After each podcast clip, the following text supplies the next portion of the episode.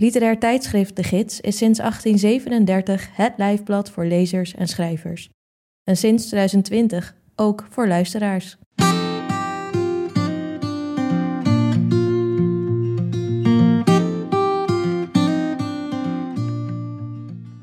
Je luistert naar de 51ste aflevering van Sprekende Letteren, een podcast met verhalen, essays en poëzie uit de gids, voorgelezen door de schrijver of dichter zelf. In deze aflevering hoor je Jente Postuma's verhaal en daarom haten ze zichzelf, waarin het hoofdpersonage het niet zo heeft op andere mensen, maar nog minder op zichzelf. En daarom haten ze zichzelf. Ik hou van de zon, maar niet van deze. Deze is te heet. Kwaad kijk ik naar de zonnende vrouw in de kleine bikini, die zich net loom heeft opgericht om de kleur van haar buik te inspecteren. Er parelt zweet op haar voorhoofd. Ze ligt daar niet voor haar lol. Haar man staat al een tijd in de branding in de verte te staren. Hij heeft de vorm van een gorilla. Dikke buik, holle rug, korte benen en lange armen. Mijn man heeft ook een dikke buik, maar een rechte rug en lange benen. Mijn man is geen gorilla en hij draagt meestal een overhemd. Miranda July postte vanmorgen een filmpje op Instagram waarin ze wild door een smalle gang danst in een panty en Mickey Mouse t-shirt. Ik hou van July's verhalen, maar haar lichaam irriteert me. Mensen met een holle rug willen niet volwassen worden. Ze verbergen hun genitaliën. De gorillaman maakt me kwaad en de zwetende bewegingloze vrouw die uit ijdelheid in de volle zon ligt en niet omdat ze ervan geniet. Ze had ook dichter bij de weg onder de grote overhangende bomen kunnen gaan zitten, zoals wij. Mijn zoon trekt met zijn wijsvinger strepen in het zand. Hij tekent een kasteel. Het kasteel is gesloten, zegt hij. Mooi, zeg ik, want je wilde toch op de waterfiets? Ik ga wel met hem naar het strand, zei ik vanmorgen tegen mijn man. Gaan jullie maar naar de markt. Vanavond zullen we vis grillen op de barbecue bij het familiehuis van onze vrienden, die een zoon van dezelfde leeftijd hebben. Hun zoon wilde mee om een vis uit te zoeken. Hij is een moeilijke eter, zei zijn vader. Zo houdt hij nog wat controle. We moeten zeebaars hebben, zei zijn moeder. Die is hier het best. Zij groeide op aan deze zee, onder deze zon. Zij keert hier elke zomer terug, de laatste jaren met haar gezin. In het hoogseizoen zijn er wel veel mensen, waarschuwde ze me voor ik onze vliegtickets boekte. We kennen elkaar pas kort, maar ze weet al dat ik niet tegen mensen kan. Zij haat ze ook, zegt ze. Maar ik voel haar woede niet. Ik weet nooit wat ze denkt, of ze al genoeg van ons heeft, bijvoorbeeld. We zijn er al tien dagen. Over vier dagen gaan we naar huis. Misschien is twee weken niet wat ze bedoelde toen ze zei: Kom een paar dagen langs. Maar voor een vakantie van maar een paar dagen vond ik de tickets te duur. Om ze te bedanken zullen we onze vrienden mee uit eten nemen. Dat heb ik ze zeker drie keer gezegd, maar nog steeds heb ik nergens gereserveerd. De restaurants zijn hier niet goedkoop. Dus vanavond vis. Gisteren maakte onze vriendin pasta met inktvis volgens een oud familierecept. Mijn man zei dat je de inktvis eerst moet ontdooien, maar volgens onze vriendin doet haar moeder dat nooit. Die gooit de bevroren inktvis zo de pan in. Even later zag ik mijn man de magnetron op de ontdooistand zetten. Maar hij moet bevroren de pan in, zei ik. En terwijl we kibbelden over wie de kok was, bereidde onze vriendin het eten. Het werd de lekkerste pasta met inktvis die we ooit hebben geproefd, dat moest mijn man ook toegeven. Ik ben niet aards, zeg ik altijd als mensen me vragen of ik van koken hou. Ik kan niet koken en niet tuinieren. En ik kan niet met geld omgaan. Soms denk ik wel eens dat ik mijn lichaam niet voel, dat ik erboven zweef. We huren een waterfiets met een glijbaan erop. Ik ben de bestuurder. Mijn taak is het om stevig door te trappen tot mijn zoon stop roept. Dan moet ik wachten tot hij zwijgend van de glijbaan het water in plonst, met een ernstig gezicht voorbij komt zwemmen, hijgend de fiets opklimt en trappen zegt. En dan trap ik totdat hij stop roept, etc. Dit kan ik, denk ik. Dit loopt gesmeerd. Vlak voor ik de fiets weer bij de verhuurder wil inleveren, zegt mijn zoon: Maar jij bent nog niet van de glijbaan geweest. Hij staat op het trapje en kijkt me aan. Ik sta achter hem in het water. Please, zegt hij. Dus ik zeg oké, maar niet lachen als mijn billen niet op de glijbaan passen. Enthousiast klimt hij van het trapje af, maar dan glijdt hij uit op de gladde plastic treden en hij valt en blijft met zijn vinger klem zitten tussen de trap en de trapleuning, een metalen buis. Hij schreeuwt en ik probeer zijn vinger los te wrikken, maar er is geen ruimte. De buis drukt de vinger plat.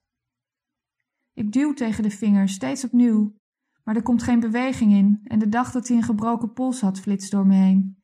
Het ziekenhuis, de eerste hulp, de patiëntenfolder over de behandeling van kinderen op de spoedeisende hulp, de manier waarop verpleegkundigen kindermishandeling signaleren, de gedachte dat ze zijn gebroken pols verkeerd zouden interpreteren, hoe ik mijn woorden plotseling veel te veel nadruk gaf. Vergeefs duw ik tegen zijn vinger tot de gorillaman naast me staat en de buis met twee handen vastgrijpt. Hij trekt de leuning naar zich toe, zodat er ruimte ontstaat en ik de vinger kan bevrijden. Brullend grijpt mijn zoon zijn linkerhand. Ik til hem op en zeg wel vier keer dankjewel tegen de man. Thank you so much. Terwijl ik het water uitloop, het strand op, richting de eerste hulppost die zich naast de strandtent bevindt, niet ver van waar we op onze handdoeken zaten, onder de bomen, waar het vuur van de zon ons niet kon raken. Als die schroef niet had ontbroken, zeg ik die avond tegen mijn man en onze vrienden, dan was dit allemaal niet gebeurd. De bovenste schroef van de trapleuning zat er niet in, zag ik later toen ik met mijn zoon en zijn verbonden hand terugkeerde naar de waterfietsverhuur en naar de gorillaman die daar vlakbij nog steeds in de branding stond. Kijk, zei ik, het is goed gekomen. Zijn vinger is niet gebroken. En toen zag ik dat er een schroef ontbrak, waardoor zijn vinger tussen de leuning en de trap naar beneden had kunnen glijden. Misschien had ik daar iets van moeten zeggen. Er was niets wat ik kon doen en hij schreeuwde verschrikkelijk, zeg ik. Ik wil dat de anderen begrijpen dat het vingerklemincident een extreme gebeurtenis was, ook al was de vinger niet gebroken. Ja, zeggen ze, ja, wat vervelend. Maar vervelend is niet het juiste woord. We praten over Louis C.K. en de cancelcultuur, over hoe de tijdgeest ons waardesysteem beïnvloedt. Ik zeg iets over ons slavernijverleden. Ik zeg dat slavenhouders hun tot slaafgemaakte mensen als beesten zagen, volgens mij. Onze vriend begint over het verband tussen zonne-energie en het schrijverschap van Frederick Douglass, het onderwerp waarop hij lang geleden is gepromoveerd. Waarom zei ik volgens mij? En ik denk aan alle andere keren dat ik iets doms zei tegen deze vrienden, allebei academici. Het is ongelooflijk, zo onnozel als zij is, zullen ze vanavond tegen elkaar zeggen. Inmiddels bespreken onze vriend en mijn man de duurzaamheid van kernenergie. Op luide toon delen ze informatie uit artikelen die ze hebben gelezen, onderzoeken die zijn gedaan. Onze vriendin is opgestaan om de afwasmachine in te laden. De mannen praten, de vrouwen zwijgen. Waarom kunnen ze niet wat zachter praten als ze hun bloedeloze gesprekken voeren? Toch ben ik vooral kwaad op mezelf. En als ik mezelf haat, word ik steen van buiten en vuur van binnen en kan de hitte er niet uit. De kinderen zitten voor de deur op een muurtje aan een calippo-ijsje te zuigen. De buurjongen is er ook. Hij heeft een grote koek waarvan hij kleine hapjes neemt.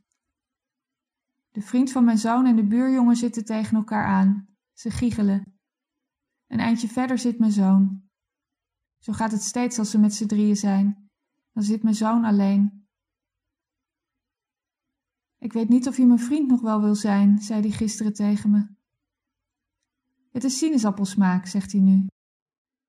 Hij knijpt in het karton om het waterijs naar boven te duwen en zuigt dan hard. Niet zo hard, zeg ik, dan kan het in je verkeerde keelgat schieten.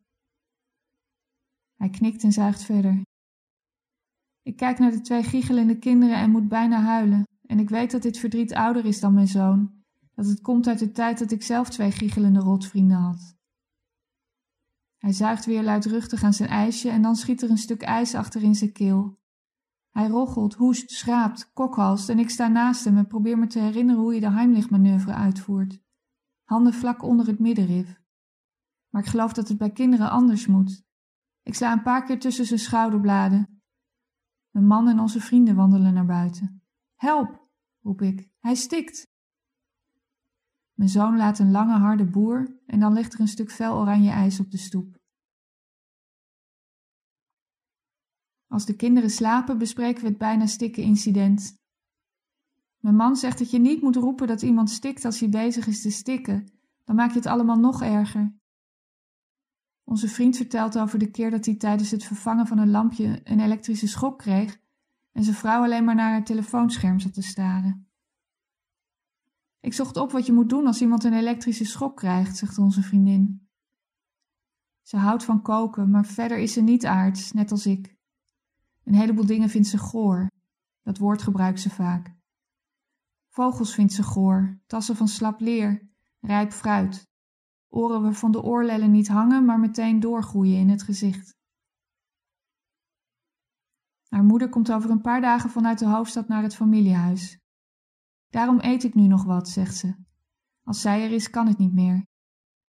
Oh, zeg ik bezorgd. Als we zomers hier zijn en mijn zussen zijn er ook, dan is mijn moeder de hele dag aan het koken, maar ze wil niet dat we eten, niet de vrouwen. Jij wel hoor, zegt ze dan. Tegenover haar gasten is ze tolerant. Onze vriendin heeft niet, zoals ik, de vorm van een peer. Peervormige mensen kunnen mooi en lelijk zijn, net als appel- of banaanvormige mensen, leer ik mijn zoon. Je hebt mooie en lelijke dikke mensen, zoals er mooie en lelijke dunne mensen bestaan. Hij mag geen man worden die vrouwen op hun omvang beoordeelt. Met je ogen zie je lang niet alles, is een zin uit De Kleine Prins die ik vaak tegen hem herhaal. Maar hij vindt De Kleine Prins een vervelend boek. Bovendien ziet hij ook wel hoe ik mijn achterkant in de spiegel bekijk. Hoe gaat het met je? vraagt onze vriend nu aan mij. En hij vraagt waarom ik na het eten zo stil werd. Of het kwam door zijn geklets. Ik haat mezelf als ik zo word, zegt hij. Als ik me ongemakkelijk voel, ga ik hard praten. Hij vertelt dat hij de hele dag al het gevoel heeft dat er een laagje plastic om hem heen zit, alsof hij in een luchtdichte verpakking zit. Dat komt door het weer, zeg ik. Het is benauwd. Toen ik vanavond de keuken inkwam, zegt hij, en jullie daar al zaten te drinken en lachen, dacht ik: dit kan ik vandaag niet aan. Over zijn vakgebied kan hij altijd praten. Als hij denkt aan de ecologische geesteswetenschappen, wordt hij rustig. Ik herinner me zijn lezing, de bikinilijn van Theodor Adorno en het einde van Saai Weer, waar mijn man en ik geen woord van hadden begrepen. Mijn werk is mijn redding, zegt hij. Hij vertelt over zijn jeugd in Florida, over de armoede, zijn kettingrokende moeder die drie slecht betaalde baantjes had en daardoor nooit thuis was. Als hij uit school kwam, stond hij net zo lang bij de deur met zijn sleutelbos te rammelen, tot hij zijn stiefvader, die altijd thuis was, oh shit hoorde zeggen en naar zijn slaapkamer rennen. Want hij wilde hem niet nog eens naakt aantreffen op die belachelijk grote nepleren leunstoel van hem, zijn pik in zijn ene hand en de afstandsbediening in de andere. Die keer dat hij zijn stiefvader hoorde rennen en vallen en er gejammer klonk waar maar geen einde aan kwam, had hij zich omgedraaid en was hij weggelopen. Onze vriendin zegt dat ze zich op het moederschap heeft gestort om niet te hoeven voelen hoe verwoestend haar eerste huwelijk was geweest, hoe weinig er daarna nog van haar over was. Verwoestend is alles wat ze over haar eerste huwelijk kwijt wil. Gelukkig kreeg ze met die man geen kind en wel met haar tweede man, onze vriend, van wie ze een paar maanden na hun ontmoeting zwanger was. Ik begin nu pas een beetje mijn oude zelf te worden, zegt ze.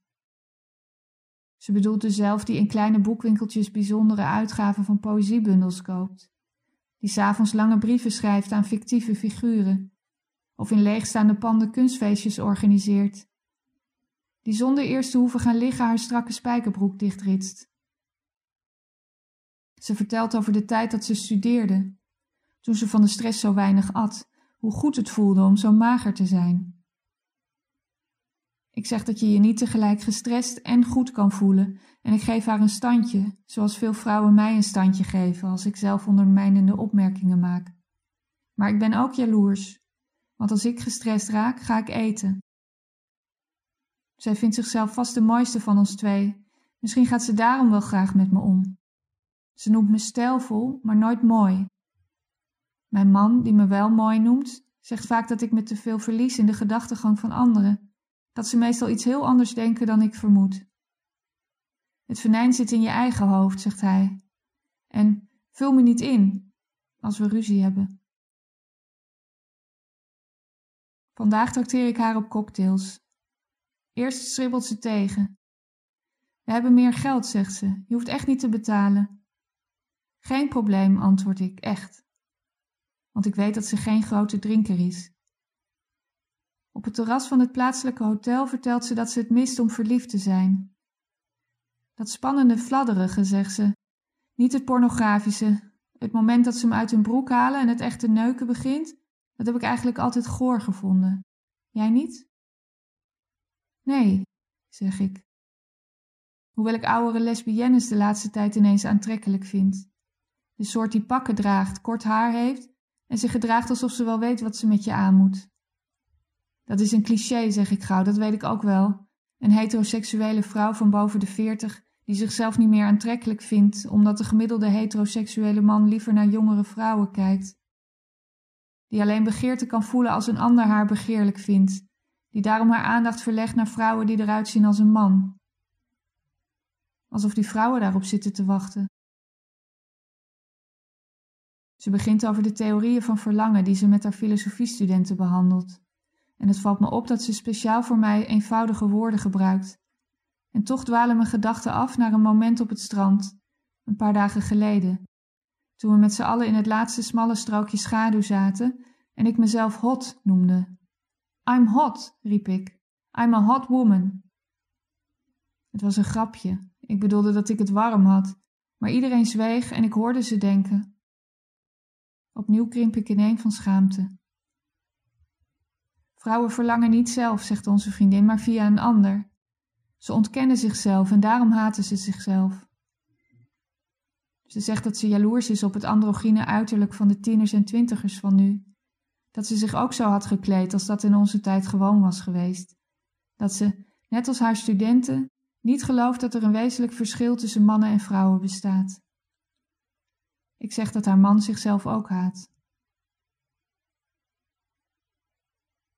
Op de dag dat de moeder van onze vriendin in het dorp aankomt, draag ik een wijde maxijurk met ballonmouwen die, als ik uit de wind blijf, mijn peervorm verhult. Vanavond eten we zalm, zegt de moeder tegen ons als ze uit haar auto stapt. Dreigend houdt ze een volle boodschappentas omhoog. Het grootste deel van de dag staat ze in de keuken. Een tenger figuurtje in een gigantisch keukenschort. Of ze zit in de woonkamer op de bank en kijkt tv. Ik zie haar achterhoofd door het raam als ik in de voortuin onder de pijnboom zit met mijn telefoon. Ze heeft asblond geverfd kort haar en een smalle nek. Ze kijkt naar een nieuwsreportage over de plaatselijke bosbranden. Ik werk aan een activistische Instagram-story over varkens. Een schrijver die ik ken publiceerde vandaag een column over de EU-campagne die Zuid-Europese jongeren ertoe moet bewegen meer varkensvlees te eten. Let's talk about pork is de hashtag die hun eetlust moet opwekken. De schrijver roept iedereen op de hashtag te kapen in posts over de misdadige mishandeling van varkens in de varkenshouderij. Varkens schuren onophoudelijk langs de stangen van hun veel te smalle kooien in een wanhopige poging tot contact, schrijf ik. Hashtag Let's Talk About Pork. Vanmorgen maakte ik een foto van het roze marmer in onze badkamer, dat als achtergrondje moet dienen bij die tekst. Alleen krijg ik de letters er niet mooi in. Bovendien zijn de screenshots van de column niet meer goed leesbaar zodra ik ze in mijn story zet. Met mijn wijsvinger timmer ik op het scherm van mijn telefoon. Godverdomme, zeg ik steeds. En dan zeg ik flikker op en smijt het toestel een eindje verder in het dorre gras. Ik sluit mijn ogen, haal diep adem, vraag me af of het woord flikker in deze context kwetsend is en reik naar mijn telefoon om het op te zoeken. Kwaaie pier, zegt mijn man als ik zo word. Zijn vader werd ook altijd kwaad op de dingen. Als hij geen aluminiumfolie uit de houder kreeg, rukte hij het ding van de muur en stampte het in elkaar. Bij mensen hou ik me in. Volgens mijn man ga ik me dan ineens tuttig gedragen Maar hij is zelf ook ingehouden. Als we ruzie hebben, exploderen we allebei. Dan laat ik eindelijk alle woorden komen. En dat voelt goed. Net als eten als ik alleen ben. Maar daarna komt ook het zelfverwijt, want er gaat altijd iets kapot. In mijn zoon vooral. Soms zie ik het gebeuren in zijn gezicht, zijn kleine schouders, en toch kan ik niet stoppen. Misschien is het meer als kotsen of bevallen, de kracht waarmee het komt. De nek van de moeder van onze vriendin is zo smal dat iemand met grote handen haar met één hand zou kunnen wurgen. Onze vriend komt net het huis uitlopen. Wil je nog wat doen vandaag? vraagt hij. Ik zeg dat ik mijn story over varkens nog moet afmaken, en hij loopt door naar het muurtje en steekt daar een sigaret op. Zouden ze zich al aan me ergeren, vraag ik me af. Toen we gisteren pizza gingen halen, riep ik dat ik zou betalen. En daarna kon ik mijn portemonnee niet vinden. Dat was geen smoes, ik heb de hele inhoud van mijn tas over de tafel gekieperd. Maar hij zat in mijn andere tas, bleek later. Ik groeide niet op in armoede, zoals hij.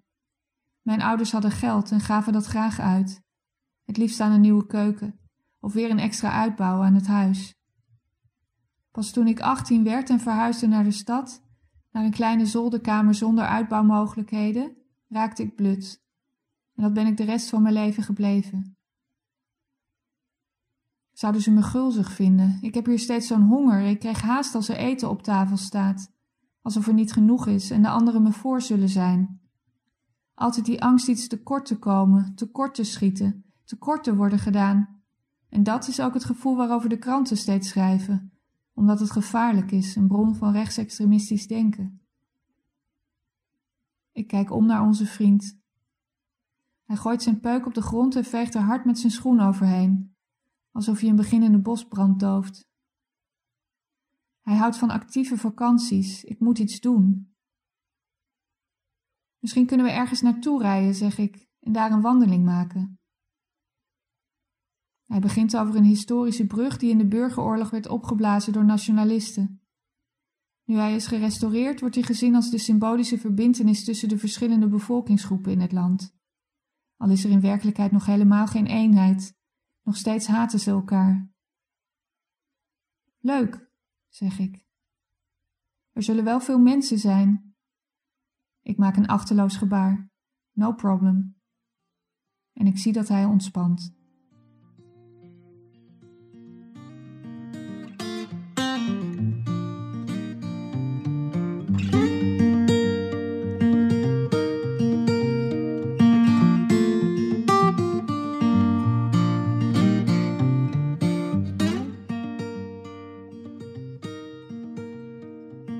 Je hoorde En daarom haten ze zichzelf. Een verhaal van Jente Postuma. Jente Postuma debuteerde in 2016 met de roman Mensen zonder uitstraling. En in 2020 verscheen haar tweede roman, Waar ik liever niet aan denk. Momenteel werkt ze aan een literair non-fictieboek en een podcast. Wil je dit verhaal lezen? Dat kan. Alle bijdragen die je in sprekende letteren hoort zijn terug te vinden op onze website www.de-gids.nl. Wat je ook kunt doen op die website is een abonnement nemen op de gids. Vanaf 20 euro per jaar ben je al abonnee en steun je het langslopende literaire tijdschrift van Nederland.